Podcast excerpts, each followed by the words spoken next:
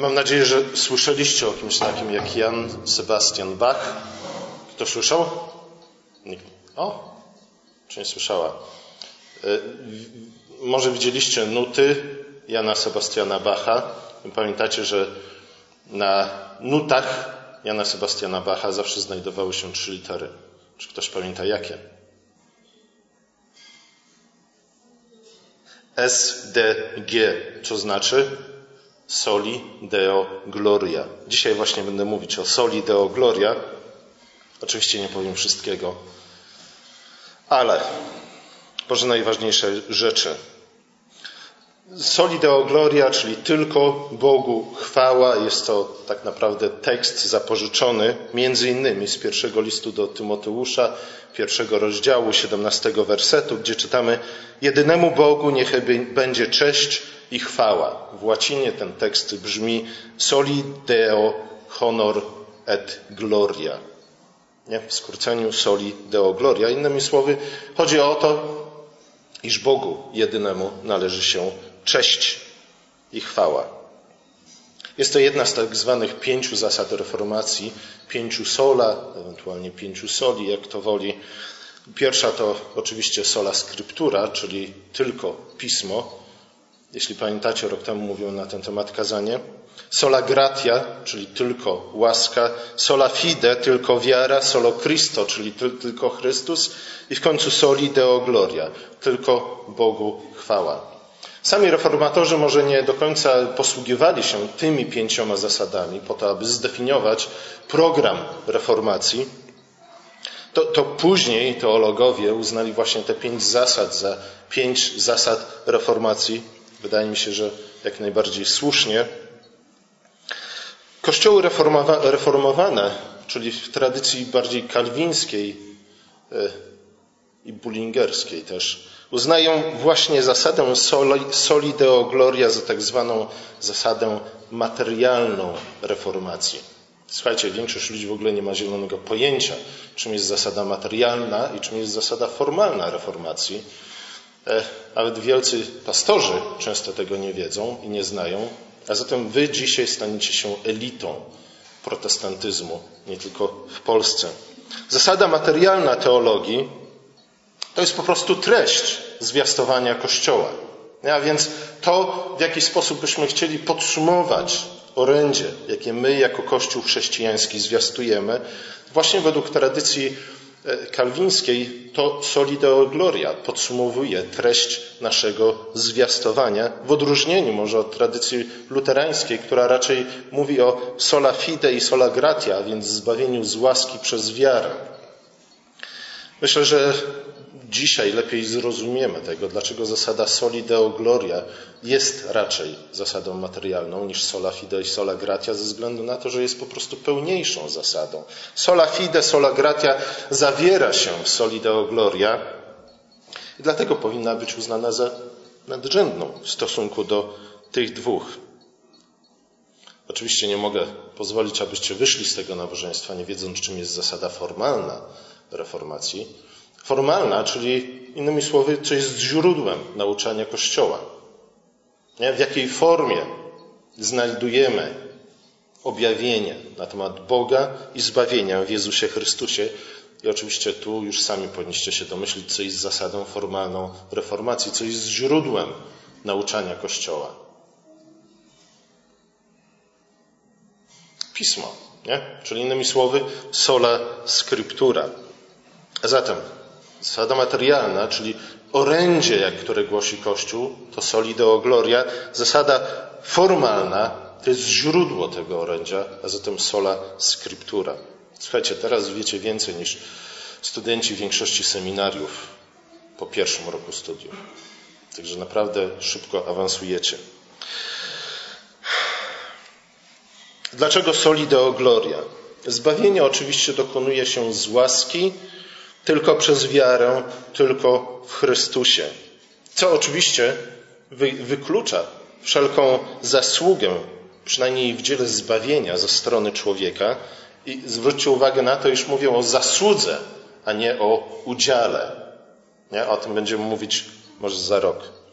Wyklucza to wszelką zasługę zbawczą ze strony człowieka i prowadzi niechybnie, koniecznie do wniosku, że wszelka chwała, nie? innymi słowy, wszelka wdzięczność za zbawienie człowieka należy się Bogu i tylko Jemu. To, to samo zresztą można powiedzieć o dobrych uczynkach, które są owocem usprawiedliwienia człowieka. Także one są możliwe tylko i wyłącznie dzięki łasce Bożej. A zatem również one powinny prowadzić nas do czci Boga. Za każdym razem, kiedy dziękujemy komuś za coś dobrego, powinniśmy jednocześnie oddać Bogu cześć i chwałę, ponieważ nikt z nas nigdy nie uczyniłby nic dobrego w swoim życiu, jeśli nie, jeśli nie działałaby w jego życiu łaska Boża.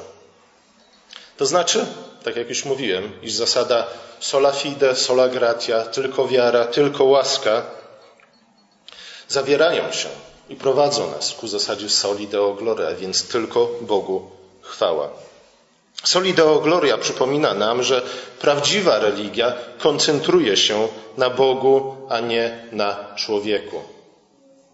Nie, co jest bardzo wydaje mi się ważne, dlatego że my często zadajemy sobie pytanie, kto jest prawdziwym chrześcijaninem, albo który kościół jest prawdziwym kościołem.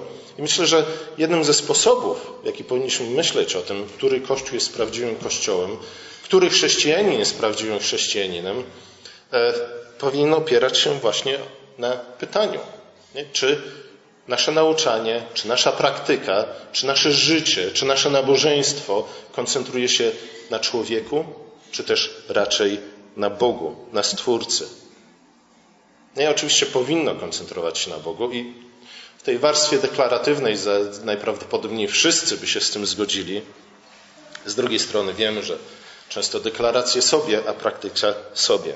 W każdym razie to dzięki Bogu istniejemy, to dzięki Niemu jesteśmy zbawieni, to dzięki Niemu możemy dojrzewać na podobieństwo Stwórcy, na obraz którego zostaliśmy stworzeni, to dzięki Niemu możemy w pobożny sposób panować nad stworzeniem. A wszystko to czynimy na Jego chwałę. Zatem w chrześcijaństwie nie ma miejsca na antropocentryzm, czyli na skupienie się na człowieku. Nie, to właśnie świecki, ateistyczny humanizm wyniósł człowieka na piedestał i powiedział: tak, człowiek jest centrum, człowiek jest Bogiem, człowiek powinien wziąć, chwycić w ręce cugle ewolucji i pokierować ją dalej. Nie? Owocem oczywiście tego wszystkiego był między innymi marksizm i wszyscy znamy owoce marksizmu. Wszyscy wiemy, do czego prowadzi antropocentryzm. Prawdziwa religia, jaką jest chrześcijaństwo, nie ma w niej miejsca na antropocentryzm. W związku z tym też nie ma miejsca na próżną pychę, na jakiekolwiek przechwałki ze strony człowieka, ani na ufność pokładaną w tym, co człowiek może uczynić. Jeden z psalmów przypomina nam o tym, nie? iż nie powinniśmy polegać na czym? Na rumakach, na sile oręża i tak dalej, i tak ale złożyć wszelką naszą ufność w Bogu. Paweł w liście do Efezjan przypomina nam o tym dobitnie. Łaską zbawieni jesteście przez wiarę, a to pochodzi nie od was, lecz jest darem Boga, nie z uczynków, aby się nikt nie chlubił. Zwróćcie uwagę na to, że, że, w tym jednym wersecie znajdujemy wszystkie te trzy zasady, nie, o których mówiliśmy. Sola gratia, czyli tylko łaska, sola fide, czyli tylko wiara i oczywiście soli deo gloria, aby nikt się nie chlubił. Nie? Ale jak dalej kontynuuje Paweł, abyśmy oddali wszelką cześć Bogu ze zbawienie, jakie otrzymaliśmy. Zatem zasada soli deo gloria przypomina, że celem naszego życia, celem ludzkiej egzystencji, celem pojawienia się człowieka w historii jest wielbienie Boga, oddanie Jemu wszelkiej czci i chwały, skupienie się na Bogu, służba Bogu, nie zaś samorealizacja i samo spełnienie. Ja wszelkie nauczanie, wszelka praktyka Kościoła, która skupia się na samorealizacji i na samospełnieniu, jest w gruncie rzeczy pogaństwem przybranym strój chrześcijaństwa, pogaństwem, które udaje, że jest chrześcijaństwem. Oczywiście tutaj wiele osób przychodzi z pretensją, czy też z zarzutem i mówi, że jeśli w ten sposób to postawimy, jeśli w ten sposób postawimy tę kwestię, to, to w gruncie rzeczy doprowadzimy do obdarcia człowieka z wszelkiej czci i godności. Nie? Do ukazania człowieka jako jakiegoś nic niewartego robaka. Na dodatek jeszcze martwego robaka, jeśli wierzymy w totalną deprawację. Czy rzeczywiście tak jest? Czy skupienie się na chwale Boga i stwierdzenie, że my jako ludzie sami z siebie nie mamy się absolutnie czym pochwalić, jest znów uczone słowo deprecjacją człowieka? Zobaczymy. Zobaczymy za chwilę. E, wydaje się, że apostoł Paweł jest innego zdania. Nie? Wydaje się, że apostoł Paweł mówi, nie, to właśnie wtedy, kiedy skupimy się na chwale Boga, to wtedy, wtedy, kiedy będziemy zabiegać o chwałę Boga, a nie o własną chwałę, wtedy Bóg obdarzy nas prawdziwą chwałą. Nie? Innymi słowy, najlepszym sposobem na zabieganie o własną chwałę jest przestać o nią zabiegać, a zamiast tego zabiegać o chwałę Boga, ponieważ to On, który posiada prawdziwą chwałę, jest w stanie otoczyć nas również prawdziwą chwałą. W Chrystusie możemy więc odnieść do siebie słowa Psalmu ósmego. Czymże jest człowiek, że o nim pamiętasz, lub syn człowieczy, że go nawiedzasz? Innymi słowy, psalmista wychodzi z założenia, że człowiek sam w sobie tak naprawdę niewiele znaczy, jeśli cokolwiek znaczy. Stąd też to pytanie, kim jest człowiek, kim ja jestem, Panie Boże, że w ogóle o mnie pamiętasz i mną się zajmujesz. I zaraz dalej psalmista mówi, uczyniłeś go niewiele mniejszym od Boga, chwałą i dostojeństwem uwieńczyłeś go, dałeś mu panowanie nad dziełami rąk swoich, wszystko złożyłeś pod stopy jego. Innymi słowy, nad człowiekiem stoi tylko i wyłącznie Pan Bóg. Pod człowiekiem stoi cała reszta stworzenia, włącznie z aniołami. Nie? W Starym Przymierzu to było, wyglądało trochę inaczej, nie? ze względu na upadek Adama. E, to aniołowie byli naszymi wychowawcami, to aniołowie byli pośrednikami między nami a Bogiem, ale w Nowym Przymierzu ta sytuacja się odwróciła. To człowiek stoi ponad aniołami. Ponad nami jest tylko Pan Bóg. Oczywiście pod warunkiem, że jesteśmy w Chrystusie kategoriach dogmatycznych moglibyśmy powiedzieć, że usprawiedliwienie prowadzi do uświęcenia, a uświęcenie człowieka z kolei prowadzi do jego uwielbienia. Nie usprawiedliwienie rozumiane jako właśnie ten moment, w którym człowiek zwraca się ku Bogu. Nie oczywiście pod wcześniejszym działaniem łaski Boga, po to, aby uchwycić się Boga poprzez wiarę. I w tym momencie człowiek zostaje nie tylko pojednany z Bogiem, ale także zjednoczonym z Bogiem, zjednoczonym z Bogiem. To z kolei prowadzi do uświęcenia, a więc prowadzi do moralnej, etycznej przemiany człowieka. Tak, aby człowiek w swoim myśleniu, w swojej postawie, w swoim zachowaniu stawał się coraz bardziej podobny do Chrystusa. I to z kolei prowadzi do jego przyszłego uwielbienia, czy też wywyższenia, kiedy człowiek na sądzie ostatecznym usłyszy od Boga, co usłyszę od Boga? Dobrze, mój sługo, dobry i wierny. Bóg jedna nas sobą po to, abyśmy mogli uczestniczyć w Jego chwale. Jest to jedyna prawdziwa chwała. To uczestnictwo w chwale Boga przedstawiona jest właśnie jako cel życia człowieka na wielu miejscach, w wielu miejscach Pisma Świętego.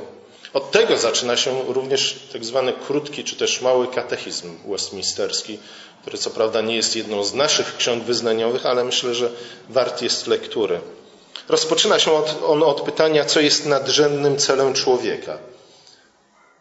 Ja więc według niektórych najważniejsze pytania, jakie możemy sobie zadać w życiu. Może nie, ale na pewno jedno z ważniejszych. Nie? Co jest celem człowieka? Po co w ogóle istniejemy? Po co żyjemy? Co ma kierować naszymi wyborami, naszymi działaniami. Odpowiedź, jaką, jakiej udzielają autorzy tego katechizmu, jest następująca. Nadrzędnym celem człowieka jest chwalić Boga i radować się nim na wieki. Nie? Pamiętajmy o tych dwóch elementach. Chwalić Boga i radować się nim na wieki. Innymi słowy, tylko chwaląc Boga, szczerym sercem, możemy odnaleźć prawdziwą radość i szczęście, prawdziwe spełnienie. Nie? To właśnie, chwalenie Boga nadaje nie tylko sens i znaczenie naszemu życiu, ale prowadzi też do czego? Do stanu błogosławionego szczęścia. To, co Bóg obiecał nam od samego początku.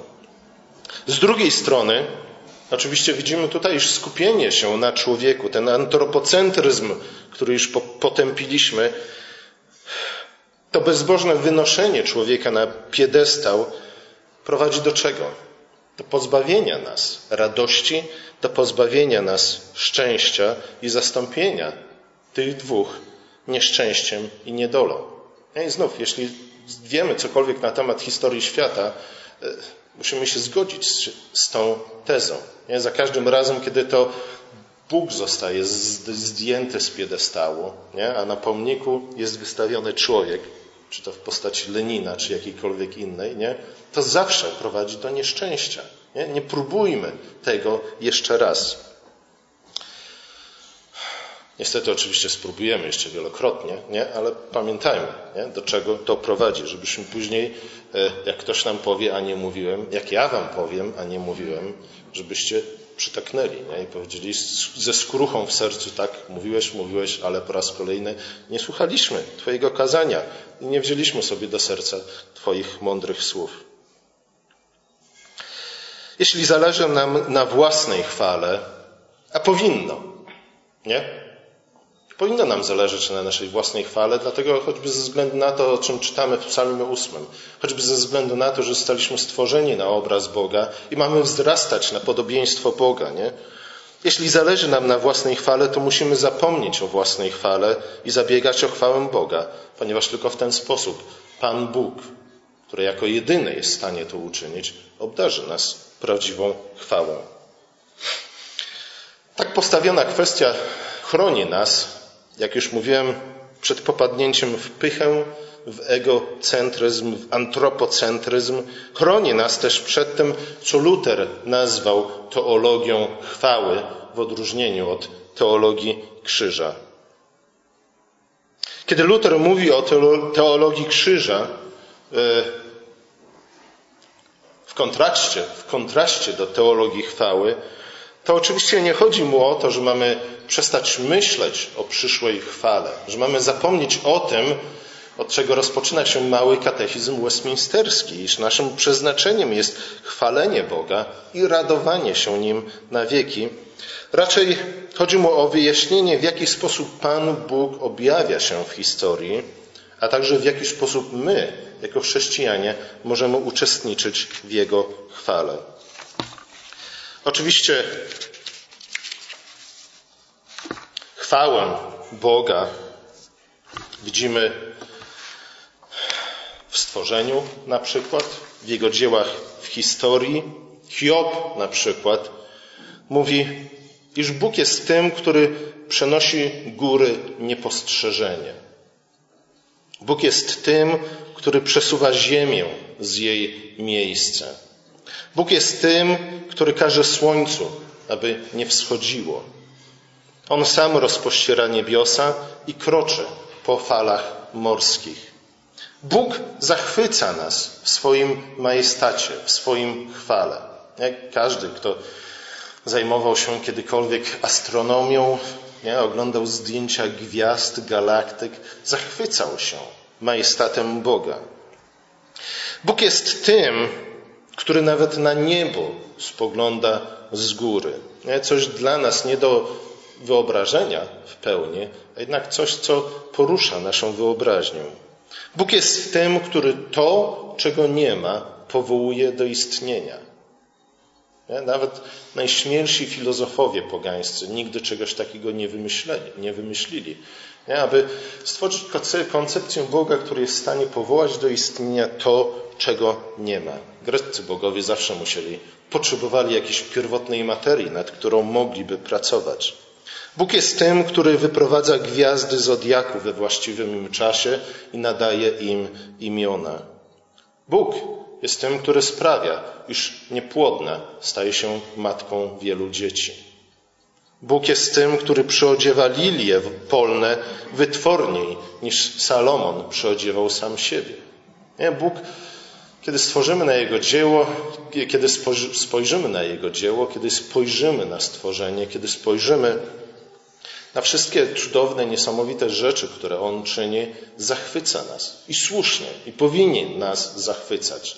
Nawet kiedy ateista zachwyca się widokiem gór, polan albo też Manhattanu, nie? zachwyca się w gruncie rzeczy niczym innym, jak dziełem Boga, ponieważ jest to coś, czym powinniśmy się zachwycać. Powinniśmy dostrzegać piękno i chwałę w tym wszystkim. Psalm 145 mówi: Wielki jest Pan i godzin wielkiej chwały. Wielki jest nie tylko ze względu na swoje dzieło stworzenia, ale także ze względu na swoją łaskawość i swoje miłosierdzie. Łaskawy i miłosierny jest Pan, nierychły, nierychły do gniewu i pełen łaski. Dobry jest Pan dla wszystkich, a miłosierdzie Jego jest nad wszystkimi Jego dziełami. Pan podtrzymuje wszystkich upadających i podnosi wszystkich zgnębionych. Oczy wszystkich w Tobie nadzieję mają, a Ty im dajesz pokarm we właściwym czasie. Otwierasz rękę i nasycasz do woli wszystko, co żyje. Bliski jest Pan wszystkim, którzy Go wzywają, spełnia życzenie tych, którzy się Go boją, strzeże wszystkich, którzy Go miłują. Ja, zatem Bóg zachwyca nas i powinien nas zachwycać. Powinniśmy zachwycać się Bogiem, patrząc na dzieło Jego stworzenia, ale powinniśmy tym bardziej zachwycać się tym, w jaki sposób On postępuje z nami. Z nami nie tylko jako ludźmi, ale także z nami jako grzesznikami. On jest łaskawy i miłosierny i wierny. I Jego łaskawość i wierność poznajemy od samego początku, nie? od pierwszych chwil istnienia rasy ludzkiej. Jednak Luter stwierdza, iż jeśli chcemy tak naprawdę najpełniej, jak to jest możliwe ze strony człowieka, poznać Boga w Jego chwale, powinniśmy spojrzeć nie tylko na dzieło stworzenia, nie tylko na to, w jaki sposób On prowadzi nas przez historię, ale przede wszystkim powinniśmy spojrzeć na przeklęte drzewo krzyża. Dlatego, że to właśnie w męce Chrystusa, w Jego śmierci, w Jego cierpieniu, w krzyżu najpełniej objawia się chwała Boga. Innymi słowy, tam najpełniej, najbardziej jesteśmy w stanie zbliżyć się do, do poznania Boga. Najlepiej widzimy, co to znaczy, że Bóg jest wierny i Bóg jest miłosierny, a jednocześnie jest potężny i wszechmocny. Powinniśmy spojrzeć na Boga wyśmianego, Boga zdradzonego, Boga ukrzyżowanego, Boga pohańbionego. Tam bowiem znajduje się klucz do poznania Boga, a także, może przede wszystkim, do zrozumienia, czym jest chwała Boża. Nie? Bóg nie jest pyszałkiem.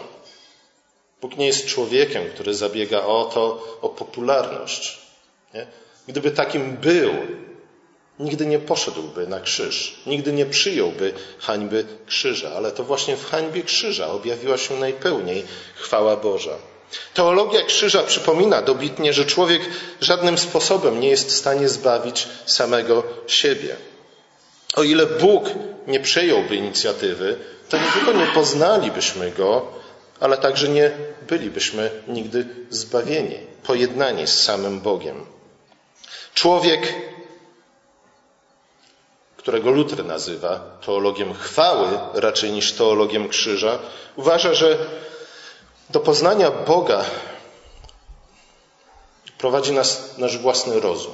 Nie? Że człowiek jest w stanie spojrzeć na dzieło stworzenia, jest w stanie zbadać historię świata i w ten sposób, dzięki własnemu rozumowi, na drodze własnych poszukiwań, w oparciu o obserwację świata i historii nie tylko poznać Boga, ale też zbliżyć się do Boga. W gruncie rzeczy taki człowiek traktuje Boga, jak naukowiec traktuje obiekt swoich badań naukowych. Nie? Najlepiej, żeby. W jaki sposób najlepiej jesteśmy w stanie zbadać anatomię żaby? Nie? Co musimy z nią zrobić? Musimy usztywnić, rozpiąć, żebyśmy, żeby się nie ruszała, żebyśmy mogli ją dokładnie pokroić. Jak to się nazywa? Dokonać czego? Wiwisekcji? Nie? Często w ten sposób próbujemy poznać Pana Boga, próbujemy Go unieruchomić, próbujemy Go potraktować jak obiekt badań naukowca w laboratorium. Ale Luther mówi, nie w ten sposób jesteśmy w stanie, nie w ten sposób jesteśmy w stanie poznać Boga. Bóg musi przyjąć inicjatywę i objawić się nam w sposób wybrany przez Niego. Jeśli tego nie uczyni, nie tylko, że nie poznamy Go, e, ale nawet będziemy twierdzić, że poznaliśmy Go, kiedy poznaliśmy Go w zły, w niewłaściwy sposób, przypisując Mu niewłaściwe cechy i przymioty. O co tutaj chodzi? Chodzi o to, iż nawet sam sposób, w jaki Bóg objawia się nam, pozbawia nas wszelkiej iluzji, że to my kontrolujemy naszą relację z Bogiem. Nie? To Bóg musi przyjść do nas, a przychodzi do nas.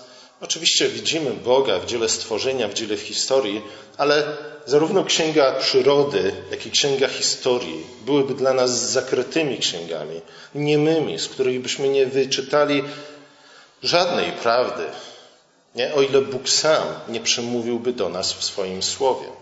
Nie? Bóg wybiera sposób komunikowania się z nami, a przemawia do nas w swoim słowie.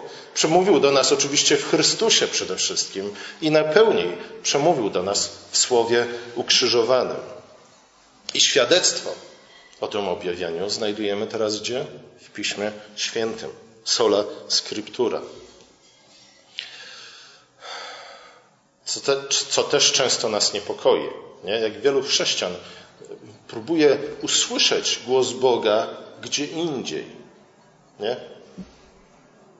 Co zresztą jest zrozumiałe, nie? bo o wiele łatwiej i prościej, zdaje się, jest usłyszeć głos Boga, przemawiając bezpośrednio do nas, zamiast wczytywać się nie? w te tysiące stron Pisma Świętego, badać, zapamiętywać, łączyć, zrozumieć to, dlaczego kult w świątyni wyglądał w ten, a nie w inny sposób. Nie? Uważamy, że Bóg w ogóle nie przemawia do nas z kart na przykład Księgi Kapłańskiej. Nie? Zamiast tego wolimy nastawić ucha na głos Boga przemawiającego bezpośrednio do nas, ale to również jest teologią chwały. Nie? Teologia krzyża prowadzi nas z powrotem do objawienia, którym Bóg rzeczywiście objawił się nam, do Jego słowa. Nie? I to przede wszystkim do słowa ukrzyżowanego. To Bóg wybiera sposób, w jaki komunikuje się z nami, a nie my szukamy swoich własnych dróg do Boga.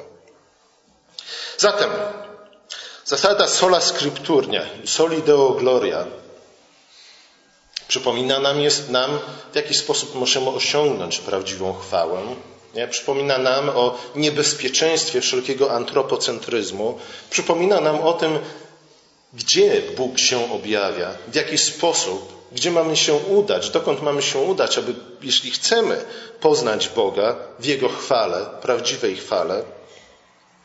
I zasada soli deo gloria przypomina nam o tym, iż e, zbawieni jesteśmy z łaski przez wiarę. Jeśli by Bóg nie podjął inicjatywy, nie tylko nie poznalibyśmy Go, ale także nadal bylibyśmy martwi w naszych grzechach. Zasada Solideo Gloria w szczególny sposób podkreślona jest w nabożeństwie, nie? ale nie w każdym nabożeństwie.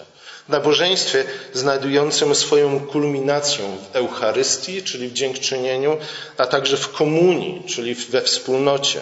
Zobaczcie, najpierw Chrystus zaprasza nas do swojego stołu. Znów, kto przejawia tutaj inicjatywę? Nie? On, Słowo, Boże Słowo.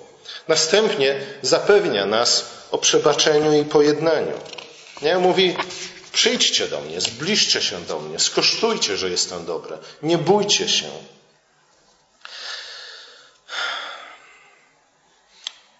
Później przemawia do nas w swoim słowie, abyśmy mogli go lepiej poznać, abyśmy mogli wzrastać w mądrości. I w końcu udziela nam samego siebie w chlebie i w winie. Zobaczcie, na każdym etapie nabożeństwa, nie? już na samym początku, kiedy słyszymy wezwanie, abyśmy przybliżyli się do Pana, otrzymujemy łaskę za łaską. Nie? I kiedy postępujemy poprzez porządek liturgii, coraz bardziej uświadamiamy sobie, że otrzymujemy nie tyle jakąś abstrakcyjną łaskę za łaską, ale otrzymujemy samego Chrystusa, nie? ponieważ On sam przychodzi po to, aby spotkać się z nami. On sam udziela nam samego siebie, daruje, ofiaruje nam samego siebie. I wtedy, im lepiej rozumiemy właśnie to, iż spotykamy się tutaj z samym Chrystusem i On przez Słowo, przez chleb i wino daruje nam samego siebie, coraz lepiej uświadamiamy sobie, że jedyną właściwą odpowiedzią z naszej strony, kiedy przychodzimy na nabożeństwo, jest co? Jest właśnie dziękczynienie, Eucharystia, oddanie Bogu wszelkiej chwały. Nie? Dlatego Eucharystia, dziękczynienie, zdaje się być słuszną, właściwą kulminacją nabożeństwa. Nie? To jest ta sama myśl, którą znajdujemy w małym katechizmie westminsterskim. Co jest celem naszego życia? Celem naszego życia jest chwalenie Boga i radowanie się na nim na wieki. I właśnie nabożeństwo przypomina nam o tym. Nie? Dlatego, że wszystko, wszystko zmierza ku temu stołowi, ku Eucharystii, ku dziękczynieniu. Przy stole pańskim stajemy się również komunią, czyli wspólnotą, wspólnotą świętych, którzy mają udział nie tylko w życiu siebie nawzajem, ale przede wszystkim, którzy mają udział w życiu Trójcy, w życiu trójjednego Boga. Tym samym możemy nie tylko wielbić Boga za Jego łaskę i wierność, ale możemy również radować się ze względu na to, że, że uczestniczymy wszyscy razem, jako wspólnota ciała Chrystusa w życiu trójjedynego Boga, który jest błogosławiony i szczęśliwy na wieki. Możemy uwielbić Boga, możemy radować się Nim i w ten sposób możemy też skosztować, czy też zakosztować wieczności. I to nie tylko w wymiarze symbolicznym, ale rzeczywistym, ponieważ kiedy gromadzimy się na nabożeństwie, dołączamy do niezliczonej rzeszy aniołów i świętych w niebie, którzy wielbią Boga i wołają, raczej śpiewają, temu, który siedzi na tronie i barankowi, błogosławieństwo i cześć i chwała i moc na wieki wieków. W tym uczestniczymy, tu i teraz, w tej chwili. Nie, oczywiście nie widzimy tego naszymi fizycznymi oczami, ale widzimy to oczami wiary. Nie? Na tym polega wiara, na przekonaniu, że pewne rzeczy są prawdziwe, nawet jeśli ich nie widzimy naszym wzrokiem. Kiedy już zakosztujemy wieczności i Bóg roześle nas z powrotem do naszych codziennych zajęć, powinniśmy wykonywać je, pamiętając o, o tym, że poprzez nie także możemy i powinniśmy wielbić Boga. Cokolwiek czynicie, wszystko czyńcie na chwałę Bożą, mówi apostoł. Możemy i mamy i powinniśmy oddawać cześć Bogu nie tylko na nabożeństwie, nie? Więc stosowanie terminu uwielbienie w odniesieniu tylko i wyłącznie do nabożeństwa albo w odniesieniu tylko i wyłącznie do, nie wiem, koncertów muzyki chrześcijańskiej jest pewnym nieporozumieniem. Nie? Powinniśmy, możemy je tak stosować, ale pod warunkiem, że pamiętamy, że uwielbieniem jest i powinno być i może być całe nasze życie. Możemy oddawać Bogu cześć nie tylko w czasie nabożeństwa, ale również wykonując nasze codzienne, najbardziej nawet prozaiczne czynności. To znaczy, że jest coś chwalebnego, godnego pochwały w najprostszych, w najbardziej codziennych, przyziemnych czynnościach, pod warunkiem, że wykonujemy je na chwałę Boga. Wielbimy Boga nie tylko śpiewając psalmy, ale wielbimy Boga również zmieniając pieluchy. Nie? To jest zasada soli deo gloria w praktyce. Możemy być bohaterami wiary nie tylko wtedy, kiedy podbijamy królestwa, ale również wtedy, kiedy na przykład zamiatamy ulicę. Nie? I to również jest zasada soli deo gloria w praktyce.